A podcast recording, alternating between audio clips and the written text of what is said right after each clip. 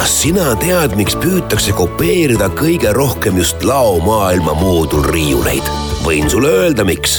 sest paremat süsteemi pole veel välja mõeldud. laomaailma moodulriiulid on loogilise konstruktsiooniga, vastupidavad ja mitmekülgse kasutusega. tule läbi laomaailmast ja veendu ise. Lähem info laomaailm.ee Kuku Raadios välja öeldud seisukohad ei pea ühtima Kuku Raadio seisukohtadega. Te kuulate Kuku Raadiot. optibett, iga päev põhjust mängida. parimad pakkumised jalka MM-ile leiad Optibetist optibet.ee. tähelepanu, tegemist on hasartmängureklaamiga. hasartmäng pole sobiv viis rahaliste probleemide lahendamiseks. tutvuge reeglitega ja käituge vastutustundlikult Kuku jalgpallipäevik. Optibett, iga päev põhjust mängida uue maailmameistri selgumiseni on jäänud kaks päeva. pühapäeval kohtuvad Moskvas korra maailmameistriks tulnud Prantsusmaa ning esmakordselt finaali jõudnud Horvaatia. alanud on Kuku jalgpallipäevik, mina olen Andres Must. kuid enne pühapäevast finaalkohtumist peetakse homme poolfinaalis kaotuse vastu võtma pidanud meeskondade vahel niinimetatud väike finaal, pronksmedali mäng, kus vastakuti Belgia ja Inglismaa ühes sellega jätkub homme ka meie ennustusmäng, mille leiate Kuku Facebooki lehelt. ennustusmäng toimub Optibeti välja pandud auhindadele, milleks Eesti Rannajalgpalliliiga ametlik meeskonnariietus. pusa, särk ja nokamüts, lisaks Nike'i rannajalgpallipall. pronksimängu vajalikkuse üle on aastate jooksul kõneldud palju ning nagu sageli ka näha olnud, on meeskondade pettumus käest lastud võimaluse üle maailmameistriks tulla nii suur, et pronksimängu minnakse pidama vahel heal juhul poolte jõududega. sageli võidabki just see, kel seda võitu lihtsalt rohkem vaja. ja ka avalikkuse tähelepanu on koondunud enam just päev hiljem peetavale finaalile, nii ka meil. kui eilses saates sai tutvustatud Prantsusmaa meeskonda, siis tänase saate esimeses pooles räägime Horvaatiast. Réclame du soutien, il faut venir, voilà qui est fait avec Thierry Henry, Yarni aux prises avec Thuram qui récupère le ballon qui frappe. C'est fait. Oui Le but je pense. Donc je suis Lance Thuram. See Prantsuse telekommentaatori rõõm pärineb aastast tuhat üheksasada üheksakümmend kaheksa, kui maailmameistrivõistluste poolfinaalis lõi Prantsusmaa koondise paremkaitsja Lilian Thuram tolles mängus oma teise värava. Sellega korvas ta täielikult tehtud vea, mis lubas mõned kümned minutid varem vastasel juhtima asuda Nood vastased tolles mängus olid horvaadid, esmakordselt iseseisva riigina maailmameistrivõistlustele jõudnud meeskond, kes tänu Davor Šukeri väravale teise poole alguses võisid hetkeks mõelda end isegi finaali pääsenuks. kuid kodupubliku toel mänginud Prantsusmaa võttis siiski oma. Horvaatiale jäi lohutuseks pronksimäng Hollandiga ning suurem soov see medal võita neile lõpuks ka võidu tõi too kaotatud poolfinaal on kahtlemata olnud Horvaatia jalgpalliajaloo kõige tähtsam, kuid nüüd ootab pühapäeval ees täiesti teisest kategooriast kohtumine. on isegi keeruline spekuleerida, kas riigis, kus elab neli miljonit elanikku, jalgpallipoisid eales reaalselt maailmameistriks tulekust unistavad. kahtlemata võivad teha seda brasiillased, sakslased, itaallased, loomulikult prantslased. Jah, isegi inglased ja Horvaatiast veidi väiksem Uruguaygi kuid neile annab usu nii mõelda minevik. kõik nimetatud riigid on tulnud vähemalt korra maailmameistriks. Horvaatia pole mitte kunagi Prantsusmaad võitnud. seni on peetud viis kohtumist ning kolm on lõppenud prantslaste võiduga kaks mängu viigiga. see, milliseks kujuneb Horvaatiale pühapäevane mäng, sõltub aga suuresti nende keskvälja kahest staarist. Need mehed on Luka Modric ja Ivan Rakitic kuulame siin, mida rääkis Rakitic Modricist Players Tribune'ile antud intervjuus.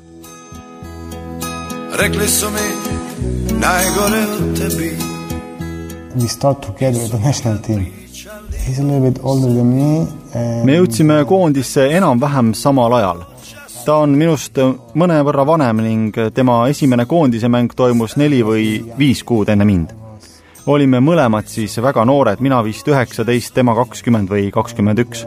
olime seal kui kaks noort kutti, kes peavad mängima koos suurte meestega.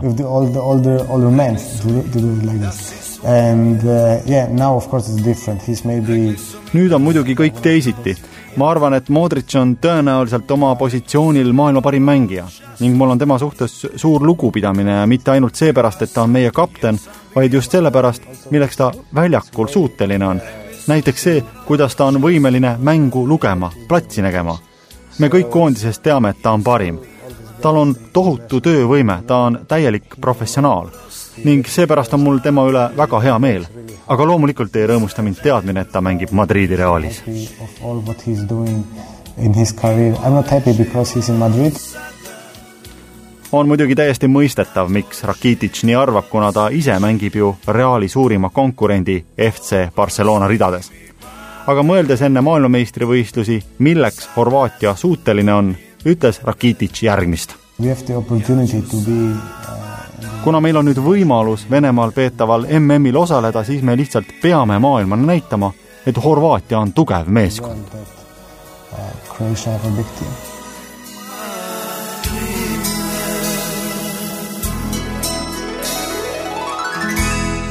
täna saame loomulikult kinnitada, et Horvaatia on tugev meeskond. siinkohal tasub aga meenutada, et Horvaatia jõudis maailmameistrivõistlustele ju läbi play-off'i, kus kahe mängu kokkuvõttes alistati Kreeka neli-üks. kuid üks asi, mis näib Horvaatia tänast pidu rikkuvat ning Horvaatia meediat pahandavat, on fakt, et kuigi poliitikud räägivad alatasa jalgpalli lahus hoidmisest poliitikast, kasutavad poliitikud ise igat võimalust lasta iseendal jalgpalli taustal särada. üheks selliseks poliitikuks, kes käimasoleval turniiril eriti suurejooneliselt end rahvusvahelisse telepilti surunud, on Horvaatia president Kolinda Grabar-Kitarovitš. meestekeskses jalgpallimaailmas on temal kui naisel kindlasti ka lihtsam tähelepanu pälvida, mida ta horvaatide silmatorkavasse punavalge ruudulisse jalgpallisärki riietatuna ka rõhutab kuigi jalgpalli maailmameistrivõistlused on olnud läbi ajaloo poliitikutele suureks võimaluseks, siis Horvaatia, kelle maailmameistrivõistluste ajalugu on siiski veel suhteliselt noor, pole lihtsalt selliste meetoditega harjunud. küllap mõne traditsioonilisema MM-il osaleva riigi avalikkus suutnuks poliitikute käigud lihtsamalt alla neelata. täna süüdistab Horvaatia meedia oma presidenti aga populismis, jalgpalli ärakasutamises ega usu presidendi siirust. Taani kohtumise järgselt meeste riietusruumi tunginud ning seal end kõigi mängijatega pildistada laskmisega olevat Grabar Kitarovitš ületanud hea maitse piiri. Horvaatia meedia selgitab, et presidendi käitumist tuleb vaadata järgmisel aastal toimuvate presidendivalimiste valguses. kuid meediakriitika pole seotud vaid Grabar Kitarovitši esmapilgul süütust flirdist jalgpalliga kuna see on kõike muud kui süütu. jutud spordi ja poliitika lahus hoidmisest on muidugi alati äärmiselt küsitava väärtusega ning nagu Horvaatia ajakirjandus sel MM-il rahvusvahelisele tarbijale suunatud tekstides läbivalt rõhutanud on, on poliitika ja jalgpall Horvaatias käinud alati käsikäes nii näiteks juhitakse tähelepanu, et kohtumises Venemaaga istus Grabar Kitarovitši kõrval vipptribüünil Damir Vrbanovitš, endine Zagrebi Dinamo juhtivtöötaja ning tänane Horvaatia Jalgpalliliidu tegevjuht. probleem seisneb selles, et juuni alguses määras Horvaatia kohus mehele kolmeaastase vanglakaristuse. FIFA lubas Urbanovitši siiski maailmameistrivõistlustele, selgitades, et edasikaebamise tõttu pole kohtuotsus veel lõplik.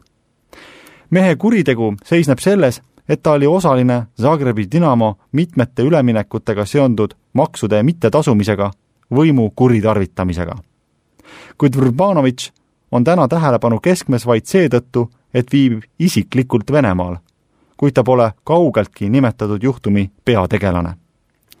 peategelaseks on hoopis Dinamo endine president Zdravko Mamic, kellele mõisteti kuue ja poole aasta pikkune vanglakaristus, kuid kes Bosnia kodakondsust omades läks enne kohtuotsuse tegemist Bosniasse, kes oma riigi kodanikku teisele riigile niisama lihtsate vahenditega välja anda ei saa.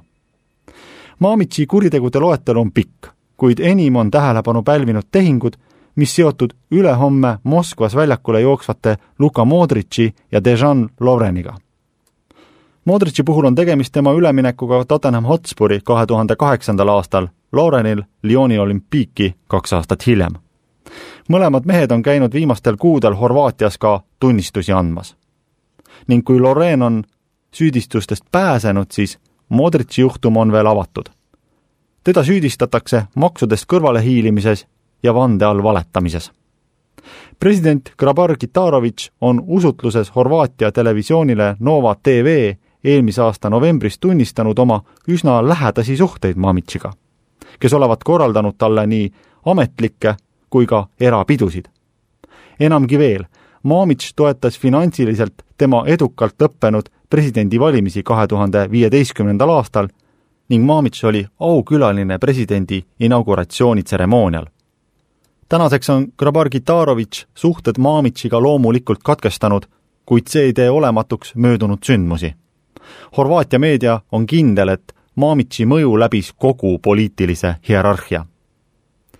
Horvaatia meedia on esitanud huvitava teesi, väites, et poliitiline eliit kasutab jalgpalli suuresti selleks, et suunata sellesse laiemaid probleeme, otseseid kuritegusid ning lastes neil välja paista kui probleemid, mis on seotud vaid jalgpalliga ega puuduta neid isiklikult ega ka laiemat avalikkust. tõepoolest asjaolude veidral kokkulangemisel peab Horvaatia jalgpall samaaegselt tegelema oma ajaloo kõige süngemate ja kõige meeldivamate küsimuste ja probleemide lahendamisega. ning kõikidest kuritegelikest juhtumitest hoolimata ei häbene riigi president end nimetatud juhtumi otseste asjaosalistega koos näidata. usk, et jalgpallimäng suudab inimeste mõtted argistelt teemadelt kõrvale viia, on tugev. ja seda eriti juhul, kui jalgpallimurul liiguvad asjad soovitud suunas. ja Horvaatial need soovitud suunas ka liiguvad. Kuku jalgpallipäevik. optibett, iga päev põhjust mängida jätkumas Kuku jalgpallipäevik ning saate teises pooles räägime inimesega, kellega täna alustatav vestlus ulatub ka homsesse saatesse. minu külaliseks on mees, kelle kirjutatu ilmumist on püüdnud takistada FIFA endine president Sepp Blatter.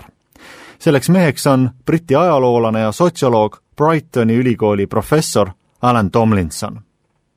raamat, mille ilmumist Sepp Blatter kahe tuhande kolmandal aastal takistada püüdis, on Tomlinsonil kirjutatud kaasse John Sutcheniga ning see kannab pealkirja Great Balls on Fire, mis annab sissejuhatava ülevaate ja Avalanche'i aegse FIFA valgust kartvatest tegemistest.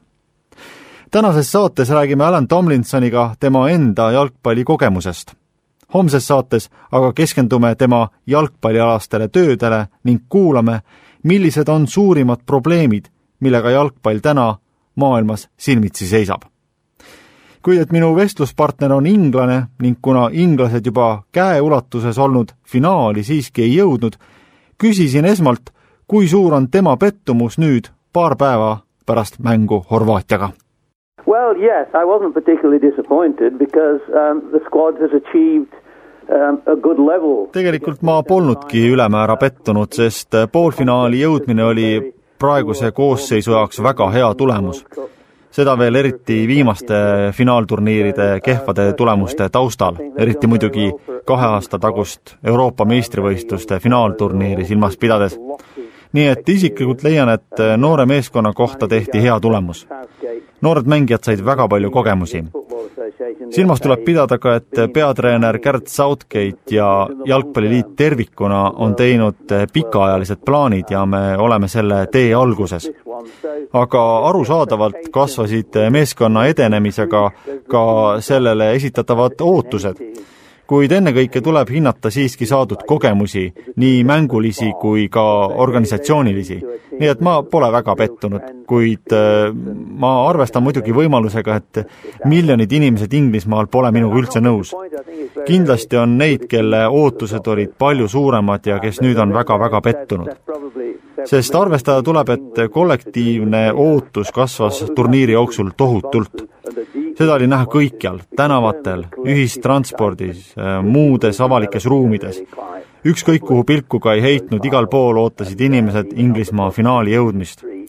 aga selline juba sport kord on ning spordi võlu ongi selles, et tulemus võib minna ükskõik kummas suunas But, but that is sport, as you know, and uh, that's one of the great narrative characteristics of sport, that it can go either way.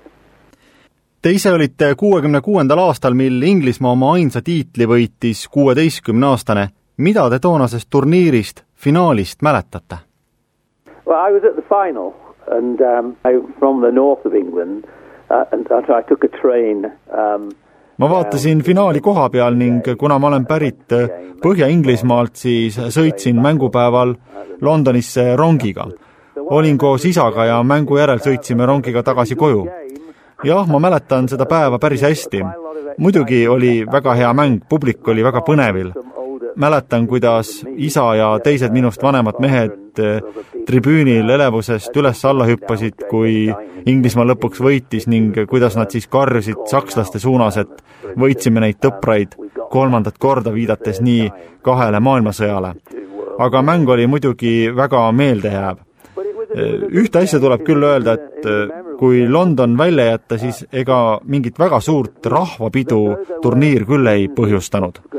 maailmameistrivõistlused lihtsalt polnud toona veel sellise kaaluga see muidugi ei tähenda, et inimesed poleks rõõmustanud, kuid ma arvan, et ajalugu on tolle turniiri mõnevõrra valel moel ümber jutustanud, muuhulgas suurendanud turniiri toonast mõju avalikkusele. Ma olen nõus, et kui ma sedasi räägin siin, siis mind võib pidada isegi tujurikkujaks um,. So I, I, I might sound a little bit like do you know the phrase spoil sport when I talk like this, but kuid tuleb aru saada, et noortel oli esikohal klubi jalgpall klubi oli see, kelle järgi kohandati oma tegemisi. jah, koondist võis ka muidugi vaadata, kuid see polnud kaugeltki võrreldav klubimängudega. Mis on teie enda lemmikklubi? My club itself, uh, where I come from, uh, is a, it is in the Premier League again now, having been down to the fourth tier or the fourth division mina tulen põhjast ning minu lemmikud on äh, tagasi kõrgliigas, olles vahepeal langenud koguni neljandasse liigasse ning nad olid kakskümmend aastat tagasi väga kaugel tippjalgpallist. see on Burnley. Äh, me oleme tulnud ka kuuekümnendal aastal meistriks. Mäletan, et olin toona väga õnnelik, sest äh, kuigi olin pärit väikesest linnast, olime me riigimeistrid ning mõni aasta hiljem olime ka karikafinaalis meil oli viiekümnendate lõpus, kuuekümnendate alguses tõesti suurepärane meeskond. nii et äh, tõepoolest, äh, tõelise elevuse suudab fännides ennekõike tekitada siiski sinu enda kodumeeskond. Ja ma arvan, et see kindlasti ei piirdu vaid jalgpalliga, ennekõike tekitab rõõmu ikkagi koduga seotud asjad, koduga seotud tegemised tugev side koondisega on ühelt poolt muidugi ümberlükkamatu, kuid oluline on täheldada, et see side on ajutine. see oleks nagu puhkusereis. maailmameistrivõistlused kestavad neli nädalat, me oleme kõik koos puhkusel, kuid siis saab see läbi ning meid ootab taas tavapärane elu, rutiinne töörütm ning muuhulgas pöördumine tagasi oma klubi juurde, klubi tavapärase mängurütmi juurde seega on oluline mõista koondise ja klubi vahelisi erinevusi. FIFA on muidugi loonud MM-i näol väga eduka ja tohutu populaarsusega toote, mis tõenäoliselt on isegi kõige suurem meediatoodang üldse, vähemalt spordimaailmas. Kuid sellegipoolest pole rahvuskoondis väga paljudele kaugeltki mitte esimene valik ning esimene, kellele kaasa elama hakata. Planning, planning their um, their football fan diaries. sellised olid Briti ajaloolase ja sotsioloogi, Brightoni ülikooli professori Alan Tomlinsoni mõtted, mida jagasime tänases saates. meie vestlus jätkub homme, ilusat õhtut! Kuku jalgpallipäevik. optibett, iga päev põhjust mängida